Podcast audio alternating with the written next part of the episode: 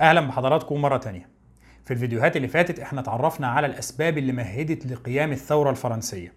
وتعرفنا كمان على الشرارة الأولى للثورة الفرنسية وسقوط الباستيل. النهارده إن شاء الله هنكمل كلامنا علشان نتعرف على أحداث المرحلة الأولى من الثورة الفرنسية واللي انتهت بإصدار دستور الثورة. خليكم معانا. بعد سقوط سجن الباستيل على إيد الجماهير الفرنسية وبعد إنشاء كوميونة باريس اللي هي المجلس الثوري اللي كان بيدير باريس في المرحلة دي بدأت الأنباء تنتشر في فرنسا كلها إن الملك اضطر للاستجابة للجمعية الوطنية. وإن إحنا بشوية ضغط نقدر ننتزع مكاسب وحقوق من الملك ومن النبلاء. وهنا الفلاحين في الأقاليم والمقاطعات الفرنسية بدأوا يهاجموا قصور النبلاء. خلينا ما ننساش إنه في الوقت ده كان في مليون فلاح فرنسي ما زالوا خاضعين لنظام القن أو نظام القنانة. بمعنى آخر كان في مليون فلاح فرنسي عبارة عن عبيد شغالين كعبيد في الأراضي بتاعه النبلاء دي. الناس دول بدأوا يهاجموا القصور بتاعة النبلاء ويحاولوا يدوروا على الوثائق والأوراق اللي بتثبت ملكية النبلاء للأراضي دي واللي بتثبت الديون المستحقة عليهم واللي بتثبت أوضاعهم كقن أو كعبيد ويحاولوا يحرقوا الوثائق والمستندات دي. مع اشتعال الثورات بدأت الجمعية الوطنية تلاقي نفسها قدام أزمة لازم تاخد موقف منها. في شهر أغسطس سنة 1789 بعد أقل من شهر على سقوط الباستيل في إيد الجماهير الفرنسية الجمعية الوطنية بتجتمع علشان تناقش الثورات المشتعلة والأزمة اللي موجودة في فرنسا كلها. مناقشة الجمعية الوطنية بتطول لأنه الجمعية الوطنية كان فيها أعضاء من النبلاء عايزين يدافعوا عن أوضاعهم باعتبار إن إحنا نبلاء وبنملك الأراضي دي وبنملك حقوق إقطاعية على الأراضي دي. وكان فيها رجال الدين اللي بيحاولوا يوصلوا لحل وسط وطبعا كان فيها ممثلي الطبقة الثالثة اللي كان يهمهم إن فرنسا لا تنزلق لحرب أهلية. بعد مناقشات طويلة جدا داخل الجمعية الوطنية الجمعية الوطنية بتقرر إن هي تلغي الامتيازات الإقطاعية. وده بيكون قرار ثوري وقرار صادم للمجتمع بدرجة كبيرة جدا. خلاص يا جماعة بين يوم وليلة النظام القديم ده اتلغى ما بقاش فيه امتيازات إقطاعية. الجمعية الوطنية بتقرر إنه القن اللي هم الفلاحين الفرنسيين اللي كانوا بيعاملوا معاملة العبيد هيتم تحريرهم فورا وبلا مقابل. كان أيام زمان القن اللي عايز يتحول لحر لازم يشتري حريته. يدفع فلوس للسيد الإقطاعي أو النبيل اللي بيحكم المنطقة دي. ولكن الجمعية الوطنية هنا بتقرر أنهم سيصبحوا أحرارا فورا وبدون أي مقابل. بينما الأراضي بتاعتهم بيقولوا لا الأراضي دي هيندفع لها مقابل للنبلاء. يعني لو إحنا بنتكلم عن القن خلاص دول بقوا أحرار.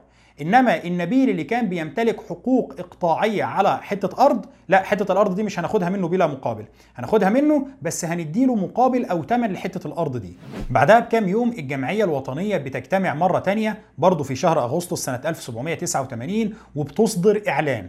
الإعلان ده بيعرف باسم إعلان حقوق الإنسان. لأول مرة المواطنين الفرنسيين بيخرجوا من دايرة إحنا عبيد الملك ومستنيين إحسان منه لدايرة إحنا مواطنين في الدولة ولنا حقوق. خلاص المواطن ما بقاش بيستجدي العطف ما بقاش بيستجدي إن هو يعامل معاملة آدمية وإنما الجمعية الوطنية بتعلن إن دي حقوق له بمجرد كونه إنسان. الحقوق دي بتشمل حقوق يعني متنوعة. حاجات زي حرية التعبير زي حرية العقيدة زي حرية الاجتماعات زي المساواة زي عدم التمييز زي المساواة في الضرائب. الوثيقة دي بتكون شبيهة بوثيقة تانية بتصدر تقريبا في نفس الفترة في الولايات المتحدة الأمريكية اللي هي بتعرف بإعلان الحقوق أو بتعديلات الدستور الأمريكي.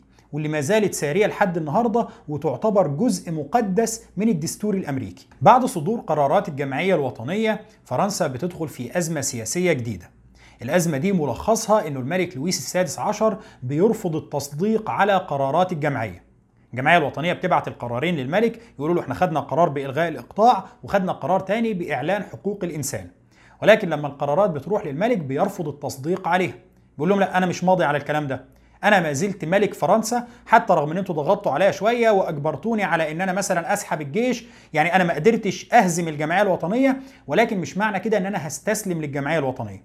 أنا لا أزال ملك فرنسا ولا أزال أمتلك القدرة على عدم التوقيع. وباعتبار إن الملك لم يوقع على القرارات دي فهي لم تدخل حيز التنفيذ. وهنا الأزمة في فرنسا بتشتعل أكتر.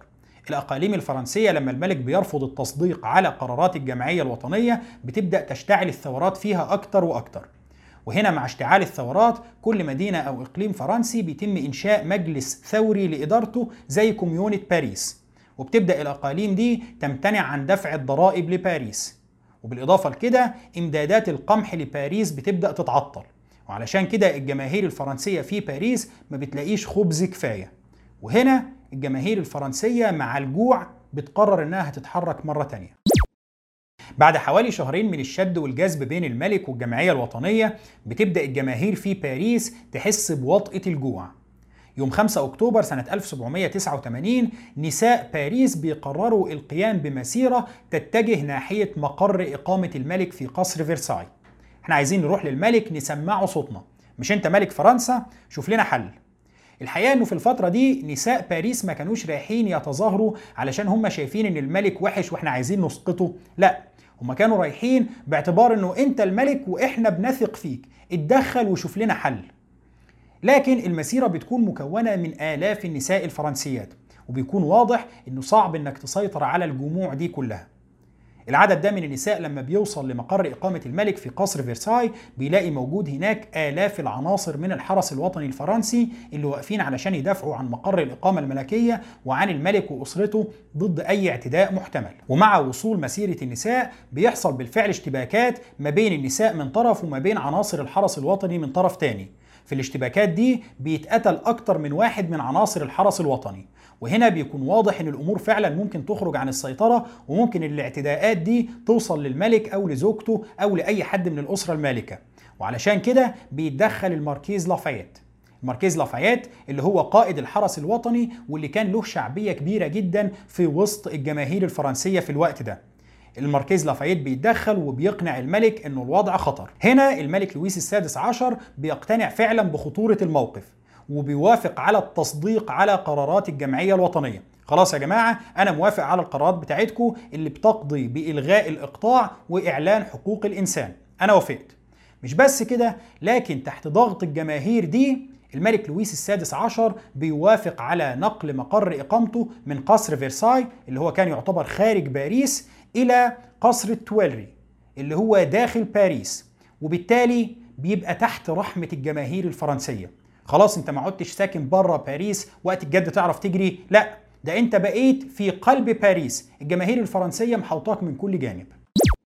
بعد انتقال الملك للمعيشة في قصر التويلري وخلاص إن ده بقى مقر الحكم في باريس الجمعية الوطنية بتعقد الاجتماعات بتاعتها في قاعات داخل نفس القصر. بحيث إن هي تكون قريبة من الملك ويكون في نوع من التنسيق ما بينهم والقرارات تتخذ بشكل سريع. الفترة دي اللي بينشأ فيها مصطلح اليمين واليسار في عالم السياسة. النبلاء بيكونوا متعودين إن هم يقعدوا في الجنب اليمين من القاعة. خلاص إحنا النبلاء لينا الحتة دي بتاعتنا متعودين نقعد فيها علشان نبقى قريبين من بعض باعتبار إن دول تكتل داخل الجمعية الوطنية. بينما الطبقة الثالثة أو الممثلين بتوعها كانوا بيقعدوا في الجانب الأيسر من القاعة. برضو إحنا تكتل تاني هنقعد في الجنب التاني. وهنا بينشأ مصطلح اليمين واليسار في عالم السياسة. دي بتكون بداية نشأته. أنصار الملك بيقعدوا في اليمين وأنصار الشعب بيقعدوا في الشمال. يعني المحافظين بقوا هم اليمين والتقدميين أو أنصار الشعب بقوا هم اليسار. طبعا المصطلح بعد كده بيتطور وبيحمل معاني أعمق من كده ولكن دي بتكون بداية نشأة مصطلح اليمين واليسار في عالم السياسة لحد النهارده. في الفترة دي الجمعية الوطنية بتبدأ تشتغل على إصدار دستور جديد لفرنسا وصياغة قوانين جديدة تنظم الأمور في فرنسا في الوقت ده. هنا الملك بيبدأ يسترد قوته شوية ليه؟ لأنه أغلب الجماهير الفرنسية وحتى أغلب الأعضاء في الجمعية الوطنية ما كانوش بيكرهوا الملك أو ما كانوش شايفين إن مستقبل فرنسا هيكون أفضل بدون الملكية. بالعكس أغلبية الشعب الفرنسي والأغلبية الكاسحة من أعضاء الجمعية الوطنية كانوا شايفين إن الملكية ركن أساسي من أركان الدولة الفرنسية. وإنما كان طموح أغلبية الشعب الفرنسي وأغلبية أعضاء الجمعية الوطنية بيتلخص في ملكية دستورية.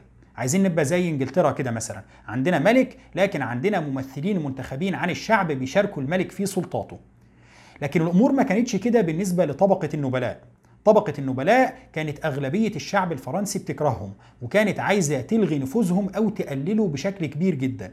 وعلشان كده النبلاء ما بيعجبهمش الوضع الجديد وبيحاولوا بكل شكل ممكن إن هم يحاربوه. وهنا لأول مرة في تاريخ الثورة الفرنسية وربما في تاريخ الثورات عموما بيبدأ يظهر عندنا مفهوم الثورة المضادة. إنه في ناس من أتباع النظام القديم بيحاولوا يعكسوا الأمور ويصعبوا الحياة على الحكومة الجديدة. الحقيقة ان الجمعيه الوطنية في الفترة دي ما بتكتفيش بالدخول في صدام مع طبقة النبلاء. وإنما بتدخل في صدام مع قوة كبيرة جدا في المجتمع الفرنسي في الوقت ده اللي هي الكنيسة. أيوه إحنا زي ما قلنا قبل كده إنه النبلاء والكنيسة كانوا مسيطرين على تلت الثروات في فرنسا أو ربما أكتر. ولكن الجمعية الوطنية بتقرر إن هي زي ما بتبدأ تصطدم مع النبلاء وتلغي الامتيازات الإقطاعية وتاخد منهم علشان تضخ في خزينة الدولة بتبدأ كمان تبص للكنيسة. إحنا قلنا قبل كده إن الكنيسة كانت بتمتلك 10% من أراضي فرنسا وبالإضافة لكده كان عندها دخول ضخمة جدا سواء من ريع الأراضي والعقارات المملوكة ليها أو من العشور. اللي هي الزكاة اللي كان بيدفعها المواطنين المسيحيين التابعين للكنيسة. في أغسطس سنة 1789 الجمعية الوطنية لما بتتخذ القرار اللي بيقضي بإلغاء الامتيازات الإقطاعية بتاخد معاه قرارات تانية بتقول فيها إنه خلاص إحنا بنلغي سلطة الكنيسة في جمع العشور. في المية اللي كانت الكنيسة بتجمعهم كزكاة خلاص الكنيسة ما عادتش هتجمعهم بعد كده. والقرار ده بيتم تمريره مع حزمة القرارات اللي الملك بيصدق عليها بعد مسيرة النساء. ماشي لغاية هنا والكنيسة بلعتها. لغوا سلطة الكنيسة في إن هي تجمع العشور رغم إن المبلغ ده كان مبلغ ضخم. الكنيسة كان بيدخل لها في السنة حوالي 130 مليون جنيه كعشور. ولكن الكنيسة فوتتها. يعني إحنا زينا زي النبلاء. النبلاء اتخذ منهم كل الثروات بتاعتهم مش هتيجي على نقطة العشور. بعدها وبعد عودة الملك لقصر التويلري وإنه خلاص بدأت الأمور تتحرك والجمعية الوطنية تشتغل بالتنسيق مع الملك، الجمعية الوطنية بتاخد قرار تاني بتقول فيه إنه كل أملاك الكنيسة بقت تابعة للدولة. قرار وضع اليد على ممتلكات الكنيسة جاء بعد حوالي شهر من مسيرة النساء إلى قصر فرساي وعودة الملك إلى التويلري. الفترة دي كانت فترة صعبة جدا في تاريخ فرنسا. الجماهير الفرنسية كانت جعانة ما كانوش لاقيين الخبز وعلشان كده كان لازم يتم اتخاذ إجراءات اقتصادية جديدة علشان يتم تأمين الخبز الكافي لأفراد الشعب. وهنا تم تغطية الإجراءات الاقتصادية اللي اتخذت دي عن طريق ممتلكات الكنيسة. رغم إنه طبعا قرار زي ده كان قرار قاسي جدا على الكنيسة إلا إنه الكنيسة والملك بلعوه. في النهاية الجماهير الجعانة دي مش هتسكت. وعلشان كده رغم إن القرار جرد الكنيسة من أهم مصادر قوتها اللي هي ممتلكاتها الضخمة وثروتها الكبيرة إلا إن القرار عدى. بعد الجمعية الوطنية ما ضمت مصادر تمويل الكنيسة كلها لخزانة الدولة كان المفترض إنه خلاص ما يبقاش في أزمة بقى ما بين الجمعية الوطنية وما بين رجال الدين. أنتوا خدتوا منهم الفلوس ده اللي كان يهمكم. خلاص بقى المفترض الأزمة تخلص. ولكن ده ما بيحصلش. الجمعية الوطنية بتيجي بعدها بحوالي 3 شهور في فبراير سنة 1790 وبتاخد قرار تاني. القرار ده بيسمح للرهبان بترك الأديرة. لو انت راهب وكنت عايش في دير وعايز تسيب الدير بتاعك وترجع للحياة العادية وتتجوز براحتك ما عندناش مانع. الجمعية الوطنية بتكون متخيلة إن القرار ده هينتج عنه إن أعداد كبيرة جدا من الرهبان تترك حياة الرهبنة. ولكن اللي بيحصل العكس. أعداد قليلة جدا من الرهبان هي اللي بتترك حياة الرهبنة وتعود للحياة المدنية. بعدها بخمس شهور تقريبا في شهر يوليو سنة 1790 الجمعية الوطنية بتاخد قرار يقضي بأن كل رجال الدين في الدولة الفرنسية بقوا موظفين عند الحكومة. يعني القرار طبعا بيثير أزمة لكن ما بتبقاش أزمة كبيرة جدا. بيعدي ماشي. هم بيقولوا إن إحنا موظفين عند الحكومة يعني هم الحكومة اللي هتقبضنا. إحنا الأول كنا بنصرف من موارد الكنيسة المالية دلوقتي بما إن الحكومة خدتها فالحكومة هي اللي هتقبضنا مرتبات أو يعني هي اللي هتصرف علينا. مش مشكلة هنفوت القرار ده. ولكن الأزمة الكبرى بتحصل في شهر نوفمبر سنة 1790 بتيجي الجمعية الوطنية تصدر قرار يقول إنه خلاص يا جماعة باعتبار إنه الرهبان ورجال الدين بقوا موظفين عند الحكومة لو سمحتوا إحنا عايزينكم تقسموا يمين الولاء لفرنسا يمين الولاء للدولة المدنية. وهنا رجال الدين بيقولوا على جثتنا. يمين الولاء ده إحنا مش هنقسمه. إحنا رجال دين ولن نقسم يمين الولاء إلا للكنيسة بتاعتنا. أو يعني أنا رجل دين ماليش دعوة بالدولة المدنية ولا ليا دعوة بالكلام بتاعك ده. ما تقوليش بقى تعالى أقسم يمين الولاء للدولة الفرنسية. لأ أنا ما عنديش الولاءات المدنية دي. فما تدخلنيش في مشاكلك. رجال الثورة الفرنسية ما بيعجبهمش الكلام ده. إزاي؟ دول أعداء للثورة دول مش عايزين يقسموا يمين الولاء علشان هم خونة علشان هم عندهم نوايا تانية تجاه الثورة الفرنسية.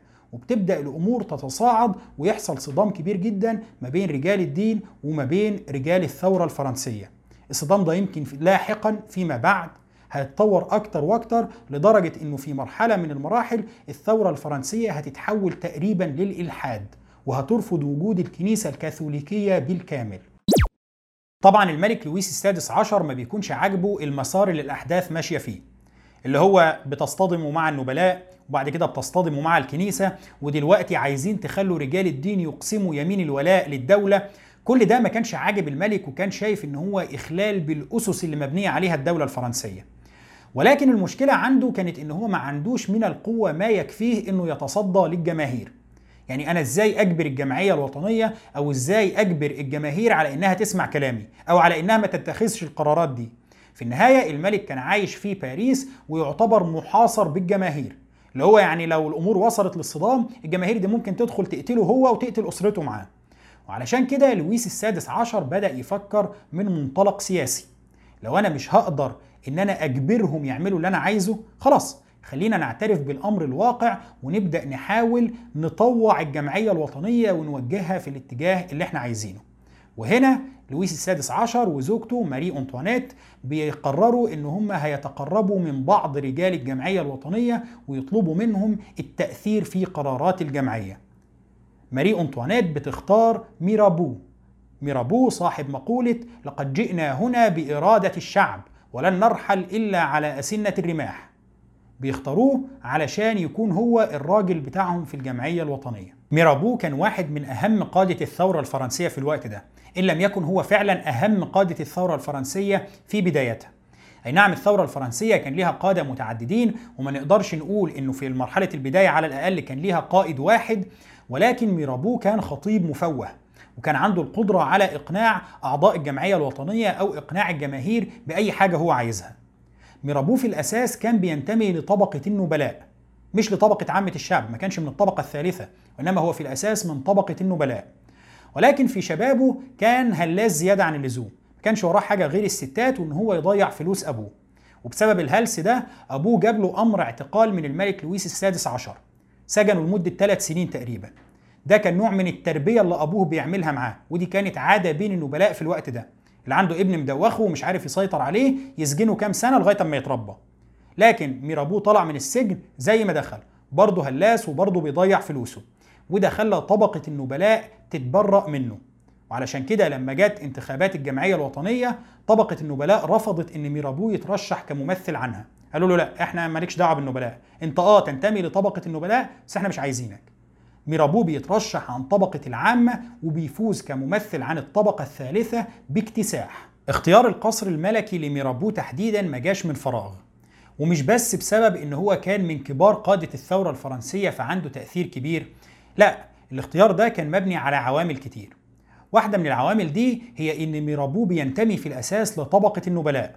حتى ولو كانت طبقة العامة هي اللي انتخبته إنما في النهاية انتمائه لطبقة النبلاء هيخلي عنده نوع من الاعتدال مش هيخليه متطرف في آرائه وبالتالي هيكون مستعد للتفاهم والوصول لحل وسط مش هيكون ناقم على طبقة النبلاء أو على الطبقة الحاكمة. النقطة الثانية إنه ميرابو كان مديون بسبب إسرافه وبسبب إن هو بيصرف فلوس كتير جدا كان عليه ديون. وبالتالي القصر الملكي كان يقدر يساعده بجزء من المال علشان يسدد الديون دي وهنا هيبقى مدين للقصر الملكي. النقطة الثالثة هي سمعته إنه بيجري ورا أي واحدة ست وعلشان كده تم اختيار الملكة ماري أنطوانيت علشان هي اللي تتفاوض معاه مش الملك لويس السادس عشر. الملكة ماري أنطوانيت كانت ملكة فرنسا وزوجة الملك لويس السادس عشر لكنها بالرغم من كونها ملكة فرنسا إلا إنها لم تكن فرنسية. وإنما كانت نمساوية.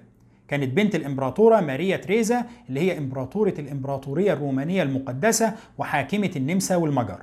وعلشان كده الشعب الفرنسي كان شايف إن هي نمساوية وليست فرنسية. وبالتالي أي تدخل ليها في الحياة السياسية في فرنسا كان بيؤخذ على محمل سلبي. كان بيؤخذ باعتباره تدخل أجنبي في شؤون فرنسا. ربما في الوقت ده لو كانت ملكة فرنسا فرنسية بتنتمي للشعب الفرنسي كان تدخلها ممكن يكون مقبول أكتر من الشعب الفرنسي ويكون لها دور إيجابي. ولكن أي تحرك كانت بتعمله ماري أنطوانيت كان بيؤخذ على محمل سلبي باعتبار إنه دي النمساوية اللي جاية تورينا نعمل إيه ولا جاية تقول لنا إنه جاية تبوظ لنا البلد. ماري أنطوانيت كان طالع عنها النكتة الشهيرة اللي هي لما الشعب عمل ثورة سألتهم هو في إيه؟ قالوا لها الشعب عامل ثورة جلالتك. قالت لهم ليه عامل ثورة؟ قالوا لها مش لاقيين خبز جلالتك. قلت لهم طيب خلاص إيه المشكلة؟ ما ياكلوا جاتو النكتة دي لوحدها ممكن تفهمنا الشعب الفرنسي كان شايف ماري أنطوانيت إزاي. عموما ماري أنطوانيت بتقابل ميرابو بالفعل بشكل سري وفي المقابلة اللي بينهم بتوعده إن القصر الملكي هيديله فلوس علشان يسدد بيها الديون بتاعته.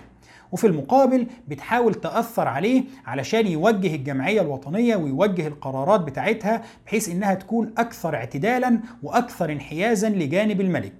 ميرابو بيوافق وبيوعدها بالفعل بالدعم.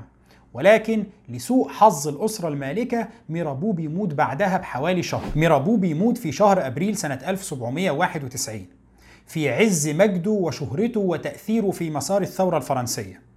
في الوقت ده بيكون الثورة الفرنسية منتصرة ومسيطرة على باريس بشكل قوي. وعلشان كده بينال ميرابو بعد وفاته تكريم ضخم جدا. بعد وفاته بلدية باريس بتقرر إنشاء مقبرة للعظماء. هنعمل مقبرة لا يتم دفن فيها إلا عظماء الأمة الفرنسية. وأول واحد بيتم دفنه في المقبرة دي اللي هي مقبرة البانثيون الموجودة في باريس لحد النهاردة بيكون هو ميرابو. طبعا بعد وفاته بفترة بعدها بكام سنة بيتم اكتشاف علاقته بالقصر الملكي وإزاي كان بينسق مع ماري أنطوانيت علشان يوجه قرارات الجمعية الوطنية. وهنا بتتقلب الآية. أنت خاين يا عميل يلي كنت بتتآمر على الثورة. هوب بيروحوا يشيلوا رفاته من البانثيون ويرموه بره. أنت لا تستحق إن أنت تدفن في البانثيون. بعد وفاة ميرابو الملك لويس السادس عشر بيفقد الأمل في أن الجمعية الوطنية ممكن تتخذ سياسات معتدلة. خلاص بيلاقي إن الجمعية الوطنية كده بقى صعب إنه يلاقي حد يساعده في توجيهها وبالتالي بيتوقع منهم المزيد والمزيد من القرارات اللي مش على هواه. وعلشان كده بيفكر في خطة بديلة. الخطة البديلة دي بتكون بناء على نصيحة زوجته وبناء على نصيحة أخوه. بيقولوا له سيب باريس واهرب وروح للحاميات الحدودية الموجودة على حدود فرنسا مع النمسا. الحاميات دي بتدين بالولاء المطلق للويس السادس عشر. ولا ثورة بقى ولا جماهير ولا كلام من ده. انت هتروح تقعد في وسط جنودك الفرنسيين اللي لو قلت لهم اعملوا كذا هيعملوه بدون تشكيك وبدون ما ياخدوا آراء حد تاني. بالفعل الملك بيقرر إن هو يلتحق بالحاميات دي. من ناحية علشان يبقى في وسط جنود يقدر يطمن على نفسه في وسطهم ما يبقاش رهينة في إيدهم. ومن ناحية تانية علشان ملك النمسا كان هو أخو ماري أنطوانيت وبالتالي يقدر يستعين بيه في حربه داخل فرنسا. وبالإضافة لكده كان في جيوش من النبلاء الفرنسيين اللي موجودين خارج فرنسا. كانوا هربوا من فرنسا مع بداية الاضطرابات وكانوا بيجهزوا نفسهم بره بحيث إن هم يساعدوا الملك إذا قرر استعادة السيطرة على فرنسا. الملك لويس السادس عشر وأسرته بيخرجوا من القصر الملكي عن طريق باب جانبي مفيش عليه حراسة.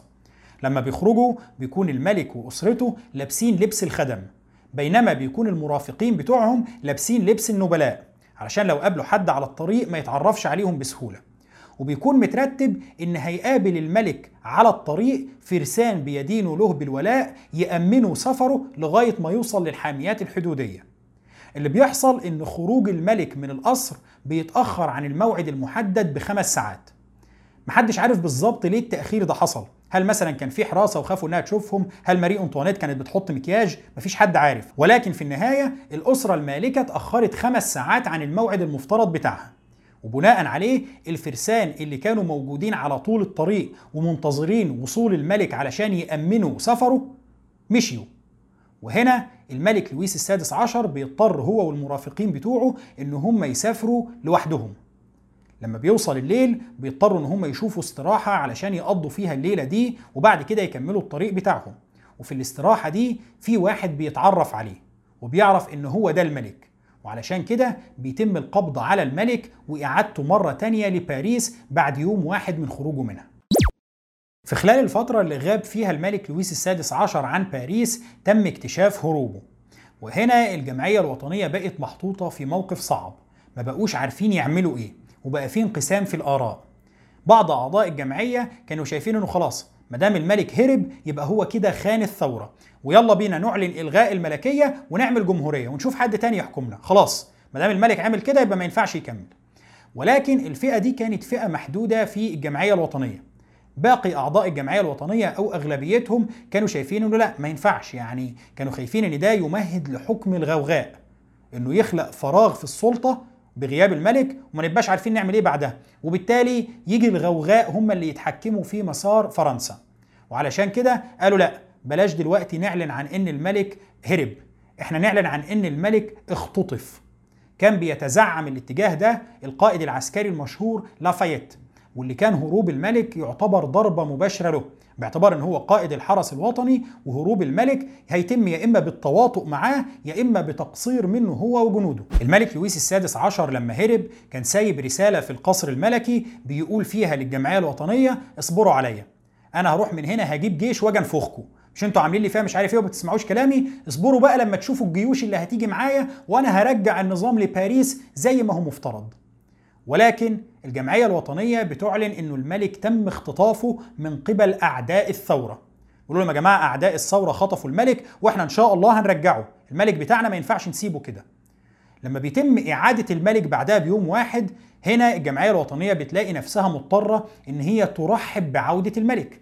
بيقولوا له جلالتك حمد لله على السلامة أنت كنت مخطوف. فلويس السادس عشر بيلاقي نفسه أيوه فعلا أنا كنت مخطوف. الحمد لله على سلامتي. كويس إن أنتوا رجعتوني من أعداء الثورة الوحشين. طبعا بعد رجوع الملك لويس السادس عشر لباريس بقى في حكم المسجون فعليا. خلاص القوات محاصراه وما بقاش يقدر يتحرك من غير أوامر. ولكن بالرغم من إنه الجمعية الوطنية أعلنت إنه الملك كان مخطوف من قبل أعداء الثورة إلا إن الأخبار اتسربت والناس عرفوا إنه الملك كان هربان علشان يجيب جيش يخضع بيه باريس. وعلشان كده في الشهر اللي بعدها في يوليو سنة 1791 الجماهير الفرنسية بتبدأ تتجمع في ميدان اسمه الشان دي مارس. الجماهير اللي بتتجمع هناك بيكون أعدادها تقدر بعشرات الآلاف وبتكون رايحة تطالب بإسقاط الملكية وإعلان الجمهورية. ما دام الملك دخلنا خلاص خلينا نخلص منه ونعلن الجمهورية. طبعا بيتزعم الحركة دي أنصار الجمهورية في الجمعية الوطنية. ولكن لما الجماهير بتتجمع بيجي لافايت اللي هو قائد الحرس الوطني وبيحاول إن هو يفرق الجماهير. الجماهير بترفض إن يتم تفريقها وبتصر على مطالبها. وهنا لافايت بيؤمر جنوده بإطلاق النار على الجماهير. وبالفعل بيتم إطلاق النار على الجماهير المحتشدة في ميدان الشان دي مارس وكنتيجه لده بيتقتل منهم حوالي 50 فرد في مذبحه معروفة بمذبحه الشان دي مارس. بعد سقوط العدد ده من القتلى بيتم بالفعل تفريق الجماهير المحتشدة في الميدان وبالتالي بتنتهي الحركة المطالبة بإلغاء الملكية في الوقت ده. ولكن الحركة دي رغم نجاح لافايت في إن هو يقضي عليها إلا إن المذبحة اللي ارتبطت بيها كانت نهاية النفوذ السياسي للافايت. لافايت اللي قبلها كان معبود الجماهير الفرنسية واللي كان في الوقت ده صاحب النفوذ الأكبر في توجيه مسار الثورة بيفقد نفوذه لما الجماهير بتنقلب عليه بعدها.